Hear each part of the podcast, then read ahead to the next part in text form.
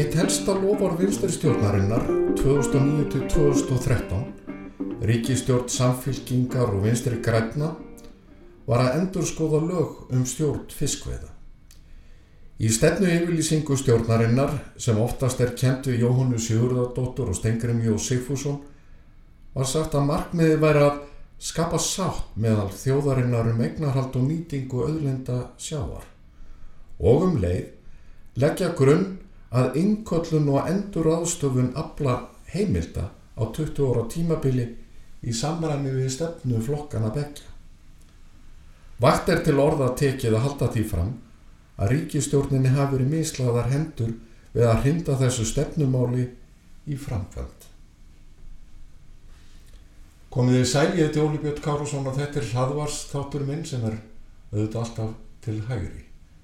Að þessu sinni ætlaði ég að fjalla að þessum sjáróttusmál og líta aftur til vinstri stjórnarinnar síðu nefndi áðan sem kendi sig oft við norræna velferð og tilraunum hennar til að kollvarpa stjórnkerfi fiskveiða. Því það lifir enn í gömlum glæðum og fyrir kostningarnar núna 25. september keppast vinstri flokkarnir allt frá viðreist til samfylkingar og sósjálista að lofa því að kollvarpa fiskveiði stjórnuna kerfinu. Ég er í hópi þeirra sem á erfitt með að skilja nöðsinn þess að umbylta stjórnkerfi fiskveiða. Þráin Eggersson, profesor í Hagfræði, er eitt virtasti fræðimaður Íslendinga og sínu sviði og ég viðtala við frjálsa vestlum árið 2011 en þá vorum við enna glíma við efnahagslegar þrengingar eftir fallbankana var þráinn skýrmaltur. Hann saði, kvótakerfið er merkilegasta framtak Íslands í skipulagsmálum og það hefur gefið góða raun við að útluta aflaheimildum til skipa og hvetja til samkjæfni. Ákvarðanir um heldarafla eru hins að teknar af ríkisvaldinu og kvótakerfið eða önnur fiskveðu stjórnumakerfi koma þar ekki við sögu sem slík. Afkoma fiskistofna ræðst af sóknarþunga og ýmsum líffræðilegum þáttum sem vísindamenn þekki ekki til fullustu. Og þráinn bætti síðan við. En nú, í miðri kreppunni, er rætt um að kalla inn kvótana og selja þá aftur til útgerðana. Flestir þeir sem fengu kvótana uppaflega hafa framselt þá til aðla sem nú stunda veiðar. Að innkalla og endur selja kvótana er í raun ómerkilegur þjófnaður. Ríkisvaldið hins knýja þá sem keft hafa kvótana fullu verði til að kaupa þá aftur. Getur þjóðarsálinn mikst. Umræðan á Íslandi um kvótakerfið er óheilbrið þráhíkja. Í miðri stórkreppu er það stefna ríkistjórnarinnar að skapa glundróða og gjaldrótt í sjáuröldaugunum sem er helsti líkillin að efnahagsbata. Mín skoðun er svo að halda því áfram á þeirri bröð sem þegar hafi verið mörguð að láta sjáuröldauðin greiða auðlindagjald til ríkisins fyrir veitta þjónustu við eftirlit með auðlindin. Hinn óheilbriða þráhyggja varti þess að vinstristjórnin hafnaði tillögum sáttanemdarinnar sókalluðu sem var undir stjórn Guðbjörns heitins Hannessonar, Þingmanns samfylkingarinnar og síðan ráþera og Björns Vals Gíslasonar, þá var endi Þingmanns Vafgi sem var varaformaður. Í nefndin eða starfsóknum voru fulltrúar allra stjórnmálaflokka og hagsmunnaðila en nefndin var skipuð í júli 2009 og var meðal annars ætlað að leggja fram valkosti um leiðir til úrbóta þannig að greininni sé sköpuð góð rekstraskiliði til langstíma en jafnframt að sátt náist um stjórn fiskveða. Nefndi skilaði af sér viðamikill í skýslu 7. september 2010 og í niðurstöðum sagði meðal annars meiri hluti starfsópsins telur að með tilliti til settara markmiða og kröfu um jafnbræði og meðalhof sé rétt að endur skoða fiskveiði stjórnunarkerfi með sjálfstæðrir lögjöf sem takir hlýðsjón af auðlinda stefnu almennt er byggjast á hugmyndum um samningsleið. Meilhutti starfshópsins telur rétt að gerði verði samningar um nýtingu aflaheimilda og þannig gengi formlega frá því að auðlindinni sé ráðstafa af ríkinu gegn gjaldi og að eignaréttur ríkisins sé skýr. Samningarnir skulu meðal annars fela í sér ákvæðum réttind og skildur samningsaðila, kröfur til þeirra sem fáslíka samninga, tímalengd og framlengingu samninga, gjaldtöku, aðilaskipti, ráðstöfun, aflarhlutelda sem ekki eru nýttar, meðferð sjáarabla og fleira. Nemndin lagði því til að byggt verði á aflamarks og aflahluteldarkerfinu, afla heimildum sé ráðstafað með formlegum samningi til langs tíma. Þar sem samningarnir verði framlengdir nema því aðeins að um skílust samningsbrót sé að ræða. Strax eftir að starfsópurinn skilaði skíslu sinni kom fram gaggrinni á tilgóðnar og þá ekki síst frá þingmönnum samfélkingar. Björn Valur Gíslason varði skísluna í umræðum á þingi 20. oktober 2010 þegar rætt var þingsáletuna til Ólufinu Þorvorðardóttur og fleiri Ólínu var þingmaður samfélkingarinnar á þeim tíma um að efna til þjóðaratkvæðakarislu um framtíðaskipan fiskveða. Björn Valur hafnaði því að ekki hafi verið gett hagsmuna almennings eða þjóðarinnar í vinnu starfsópsins og hann sagði Þykir mér það vera fulltjárt álitað ef við lítum til þeirra aðila sem þarna sátu og fyrir hönd hverra þeir tóku þátt í þessu starfi. Fyrir utan að allir stjórnmálaflokkar og alþingi sátu í þessum hóp og einhverju hafa þeir á bakvið sig. Þarna sátu fulltrúar sambands íslenskara sveitafélag Þarna sátu fulltrúar allra stjættarfélaga sjómanna, yfirmanna, vélstjóra, undirmanna. Þarna sátu fulltrúar landsamband smábátægenda. Þarna satt fulltrúi fyrir hönd starfskarina sambandsins innan ASI. Þarna satt fulltrúi samtaka eigenda sjáarjarða. Þarna satt fulltrúi landsambands íslenskar útöksmanna. Þarna sátu fulltrúar samtaka fiskframlegand og svo framvegis. Niðurstaða bendir til þess að viðtak samstaða hafi verið um þær meðal þessar aðila og þar með umbjóndum þeirra út í samfélaginu.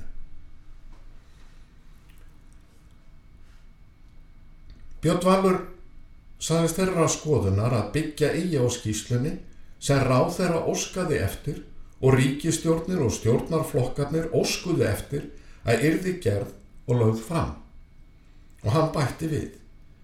Mér finnst ég vera að ganga á bak orða minna ef ég ætlaði að bakka út úr þeirri vinnu sem við skiluðum af okkur á þeim forsendum sem ég fór í þetta starf á samt öllum þeim aðlum sem þar voru og legði til að þessu erðu öllu kasta fyrir róða og við skildum gera eitthvað annað en til var ætlast í upphafi. Það væri ekki að mínu viti drengileg framkoma kakvar þeim sem tóku þátt í starfi okkar, bæði á alþingi og út í samfélaginu.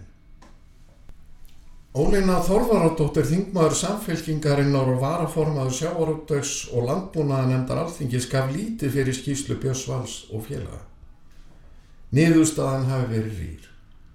Í samdalu við morgumblaði 9. september 2010 sagði hún Ég hefði búist við heilsteiftari niðurstöð. Þarna er vísað í þessa sókolluðu samningslið sem er mjög lítið útvært og það mun velta á tólkun við útværslu þeirra leiðar hvort hún getur gengið í sátt við samfélagið. Morgumblæði hafði það eftir þingmannum að skýslan væri ágætt reyfunum á sjónarmiðum hagsmunaðila í sjáorutvegi og fylgismanna þeirra. Skýslan liggi fyrir og þar með hafi stjórnvöld staði fullkomlega við sitt fyrirheitum samráð við hagsmunaðila í sjáorutvegi. Og þingmaðurinn sagði, nú býður það þessa sömu stjórnvalda að taka máli til sín, veita því pólitíska fórustu og leiða það til lykta og forsendu þeirra fyrirreita sem gefin hafa verið í stjórnar sáttmála. Ólína skrifaði síðan grein í morgumblæði 15. september 2010 og lauk henni með þessum orðum. Breytingar á fiskveðustjórnun okkar standa í órófa samhengi við þá síðferðilegu og efnagaslegu endurreist sem eru óhjákvæmileg í samfélagi okkar. Þetta er eitt stærsta verkefni sem býður ríkistjórnarinnar og veldur hver á heldur. Stjórnvöld meiga ekki neikjast á þessu verki. Þetta verða þau nú að sína þann pólitíska kjark sem til þarf. Þetta er sögulegt tækifæri og það má ekki renna okkur úr greipum. Tilögur sáttanemdarinnar voru hafðar engu og fyrirheit í stefnu yfirlýsingu ríkistjórnarinnar um að skapa sátt meðal þjóðarinnar um eignarhald og nýtingu auðlinda sjávar var þar með hend út í hafsögu. Þessi stað var lagt upp í vegferð við að kollvarpa fiskveðistjórnuna kerfinu og hafist handa að semja ný heildarlög um stjórn fiskveða og veðigjalds. Ríkistjórnin afgriði frumvörp Jóns Bjarnasonar, sjávarútus og landbúnaðar á þeirra um heldarlög um stjórnfiskveið og veiðigjalds á fundi 10. mæ 2011. Nýju dögum síðar voru frumvörpin lögð fram á alþengi. Ríkistjórnin stóð einhuga að baki frumvörpunum. Gjart var ráð fyrir að töfald að veiðigjaldið innkalla kvótan og endur útluta tímabundið til 15 ára en þá þannig að hluti færi í sérstakka potta sem erði útlutað sérstaklega. Veðsetning skildi bönnuð og framsal takmarkað verulega. Í greinagerð var bent á að frumvarpið hafi verið unnið undir formerkjum mjög viðamikil samráðs milli stjórnarflokkana, takkið eftir milli stjórnarflokkana og að því samráði komu sex stjórnarþingmenn allt frá því í november 2010 á samt fjórum ráðurum sem að málinu komu á setni stígu. Sem sagt, öll vinna sáttanemdarinnar var höfð að engu. En frumvarfi fjall í grítan jarðveg utan veggja ríkistjórnar flokkana.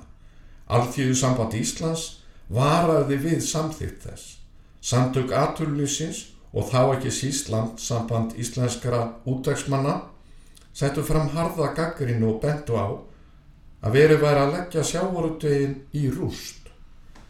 Yfir 30 umsagnir bárust til aðþingis og nær allar á sama veg, fallingun. Og raunar voru komnir brestir í stjórnarliðið áður en ráð þeirra náði að leggja frumvarfi fram formlega á þingi.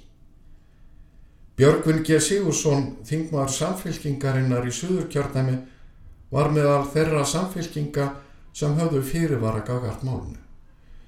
Í samtali við morgumblæðu 17. mæ 2011 sagðan en fyrirvara mínir eru varðandi útlutanir ráþara og sveitarfélaga úr öðrum pottum. Ég tel að öll verðmyndun úr pottum eigi að vera á markaði og hann bætti við Það verður að teljast afar óheppilegt að láta stjórnmálamenn útluta veiði heimildum. Semundur Erdir Rúnarsson, þingmaður samfélkingarinnar í norðaustu kjörtæmi var einnig með efasendir. Ég vil að útluta, saði Semundur, sé á markasforsendum, ekki pólitísku. Ég er einnig á því að leifa þurfi í einhverjum mæli framsal kvóta með takmörkunum þó tryggja þar hafkvæmni og öllu fyrirtæki þurfa að vera til. Best væri að það veri metið að sérfræðingan en hvaða fyrirtæki séu svo velur reikin að þau verði að fá að vera áfram til. En það voru ekki aðeins þingmenn sem höfðu áhyggjur af fyrirhugðum breytingum eða eigendur stórra útgjörðafyrirtækja. Arþúr Bóasson formaða landsamband smábataeganda gaggrindi fyrirrættanir ríkistjórnarinnar og í samtali við morgumbladið 16. mæ sagðan margir í okkar rauðum er í erfiðum málum og fyrir vikið ekkert á það bætandi. Hækkun á veiðigjaldi merkir ekkert annað en vegið er að tekju hluta þessara útgerða. Arþúr sagðist hljóta velta því fyrir sér hvað búið að baki því að ekki muni smábota útgerð eflast við þetta frumvarn. Það sé ljóst að völdar átara verði alveg gríðaleg í sambandi við útlutun og það blasi við að sveitafélagin fara að koma sér upp bæjar útgerðum í stórum stíl. Pétur Pétursson, eigandi aflamarksbátsins Bárðar SH81 setir hlutina í samengi í viðtali við morgumbladið 17. mæ. Árið 2007 kemtum við kvóta fyrir halvan miljard króna og nokkru síðar var hann skorið nýður um þriðing. Eins og þá týðkaðist voru lánin í erlendri mynd þannig að þau hafa hækkað gríðarlega í íslenskum krónum. Við þurfum sem sagt að taka okkur mikla skerðingu en sangað þessum tillugum ríkistjórnarinnar er ekki gert ráð fyrir því að útgerðinnar njóti þess þegar óhætt verður talið að auka veiðanar. Heldur fari aukningin í einhverja óskilgrenda potta. Ég hefði haldið að þetta ætti að virka í báðar áttir en svo virðist ekki vera. Auk þess er rætt um nýtingarleifi til 15 ára og á miðju tímabili eigi leifisafar rétt á viðræðum við stjórnvöld. Þetta er væga satt óskipt og hlýtur að setja allar frekari fjárfestingar í greininni í fullkomið uppná. Og Pétur leitt á að frumvarpið veri hrein og bein aðför að landsbyðinni, sérstaklega norðvestu kjördæmi, þar sem þorskurinn er svo stór þáttur í útgerðinni. Þar séu ekki fyrirtæki sem gera út á uppsjóar tegundur. Umræðan um greinina, sagði Pétur, hefur verið mjög ósangjörn á undanförnum árum, sérstaklega meðal stjórnmálumanna. Þessu verður að linna, því sjáarutugurinn er svo þýðingar mikill fyrir þjóðabúið. Ég óttast að smerri fyrirtækin í greininni lifi ekki af, verði þessi frumvörp að veruleika. Fræðimenn á sviði hagfræði voru lít hrypnir af fyrirhugum breytingum. Ekki einu sinni þeir sem höfðu í mörgu verið jákvæðir í garð ríki stjórnarinnar. Þórólfur Mattíasson, hagfræðiprófessor, hafði efasendur og saði þær hugmyndir sem komið fram í frumvarpinu vera mís skinsamlegar. Þannig munið takmarkanir og framsali aflaheimilda sennilega auka óhagkvæmni í greininni auk þess sem almennt séð sé ekki æskilvægt að opna mikið fyrir gethóta ákvarðanir eins og virðist eiga að gera með hennu svo kalluðu pottum. Auk þess geti þeir valdið miklu ójapvafi milli byggða eftir því hvort öflug útgerð er til staðar í bæ eða ekki. Hins vegar sé hækkun veiðigjaldsins skinsanlega. Þórólfur var eitt þeirra sem var beðin um sérstakka umsögn um kvótafrömmarfi og þar sagðan meðal annars. Það vekur aðtegli að mjög víða eru ráð þeirra veittar viðtakar heimildi. Það eigur hættu á að þraung sjónarmið ráði fremur en breið atvinnu og rekstra sjónarmið þegar heimildum er útlötað. Ragnar Átnarsson, profesor í Hagfræði, var einnig afdráttalauðs í viðtali við DFF í mæ 2011. Þjóðin í heild mun tapa. Auðvitað bytnar þetta mest á sjáarútegnum sjálfum, en jáfnvel hinnir munu tapa á þessum breytingum. Hið hækkaða veiðigjald mun renna í ríkisjóð og verða notað á þann hátt sem ríkinu er tamt. Það á samt hínum breytingunum mun veikja sjáorútvegin þannig að tekju skattur bæði sjáorútvegs fyrirtækjana og þeirra sem vinna við sjávarútvegin munu verða minni í framtíðinni. Og Birgir Þór Runálsson, dósend í Hagfræði við Háskólu Íslands, var heldur ekki hrifin af fyrirætlunum ríkistjóðnarinnar. Í samtali við frettablaðið 16. mæ saðan orðrétt Það er í raun verið að hverfa frá því að vera með markaðskipulag í sjáorútegnum í að þetta sé meira tilskipuna skipulag. Það verður meira af pólitískum afskiptum með þessu sem er ansi skadalegt.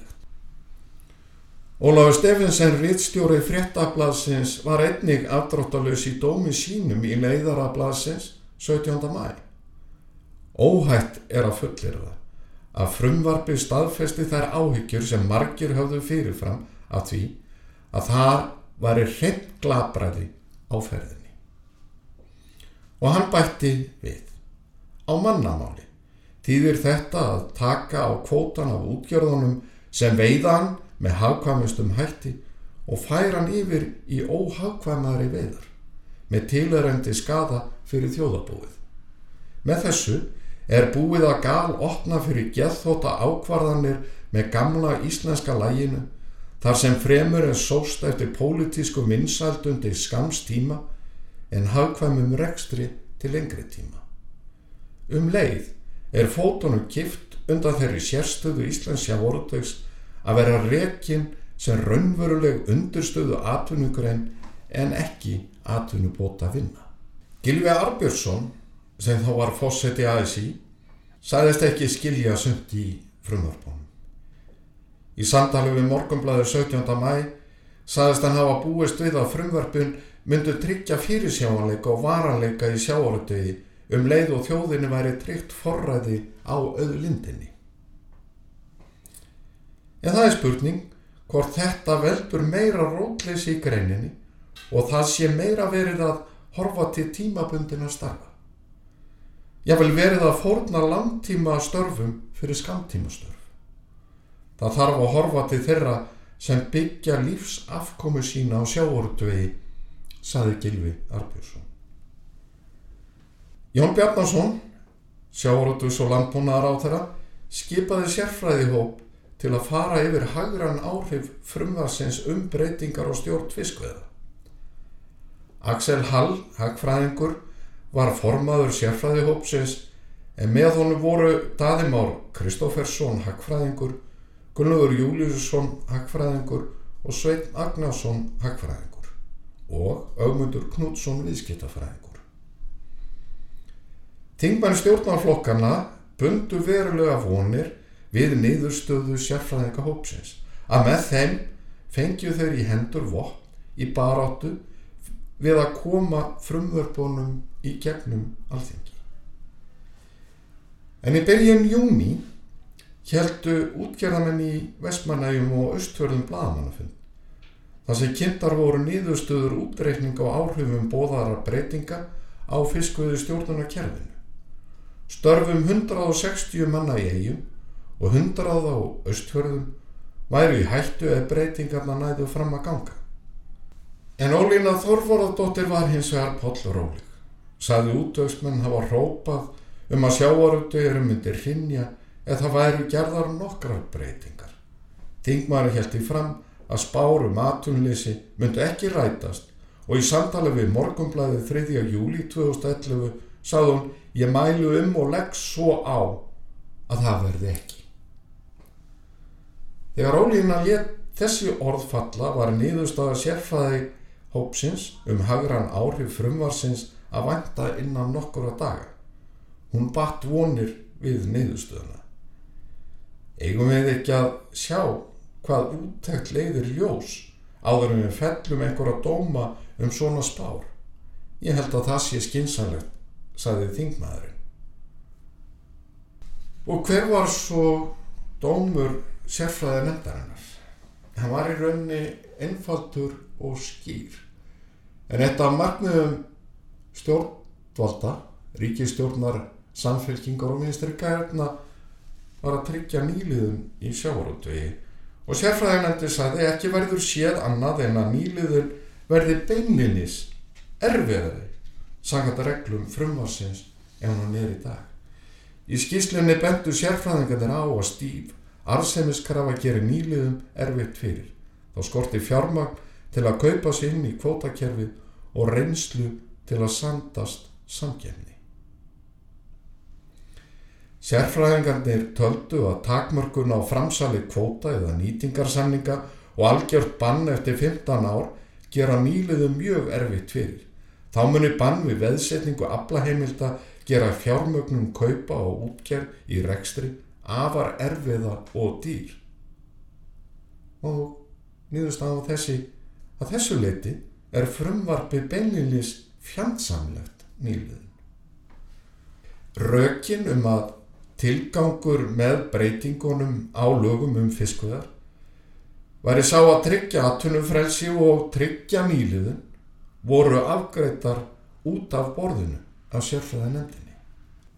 Í stefnu yfirlýsingu ríkistóndar Jónu Sigurðardóttur og Stengrim Sjóð Sifússonar segir að markmið sjáurötu stefnunar sé að fiskveðar séu hagkvæmar og skapi verðmætti og störf. Undirstrykkað er að sjávarútegurinn gegni líkil hlutverki við þá endurreist naturlífsins sem framöndan er.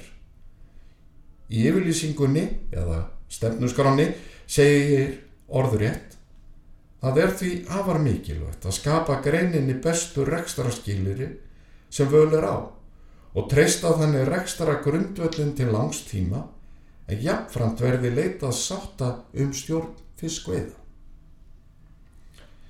En frumvarp þeirra gekk þert á þessa yfirlýsingu en færðum leið ráþeiranum mikil völd til að ráðstafa verðmætum.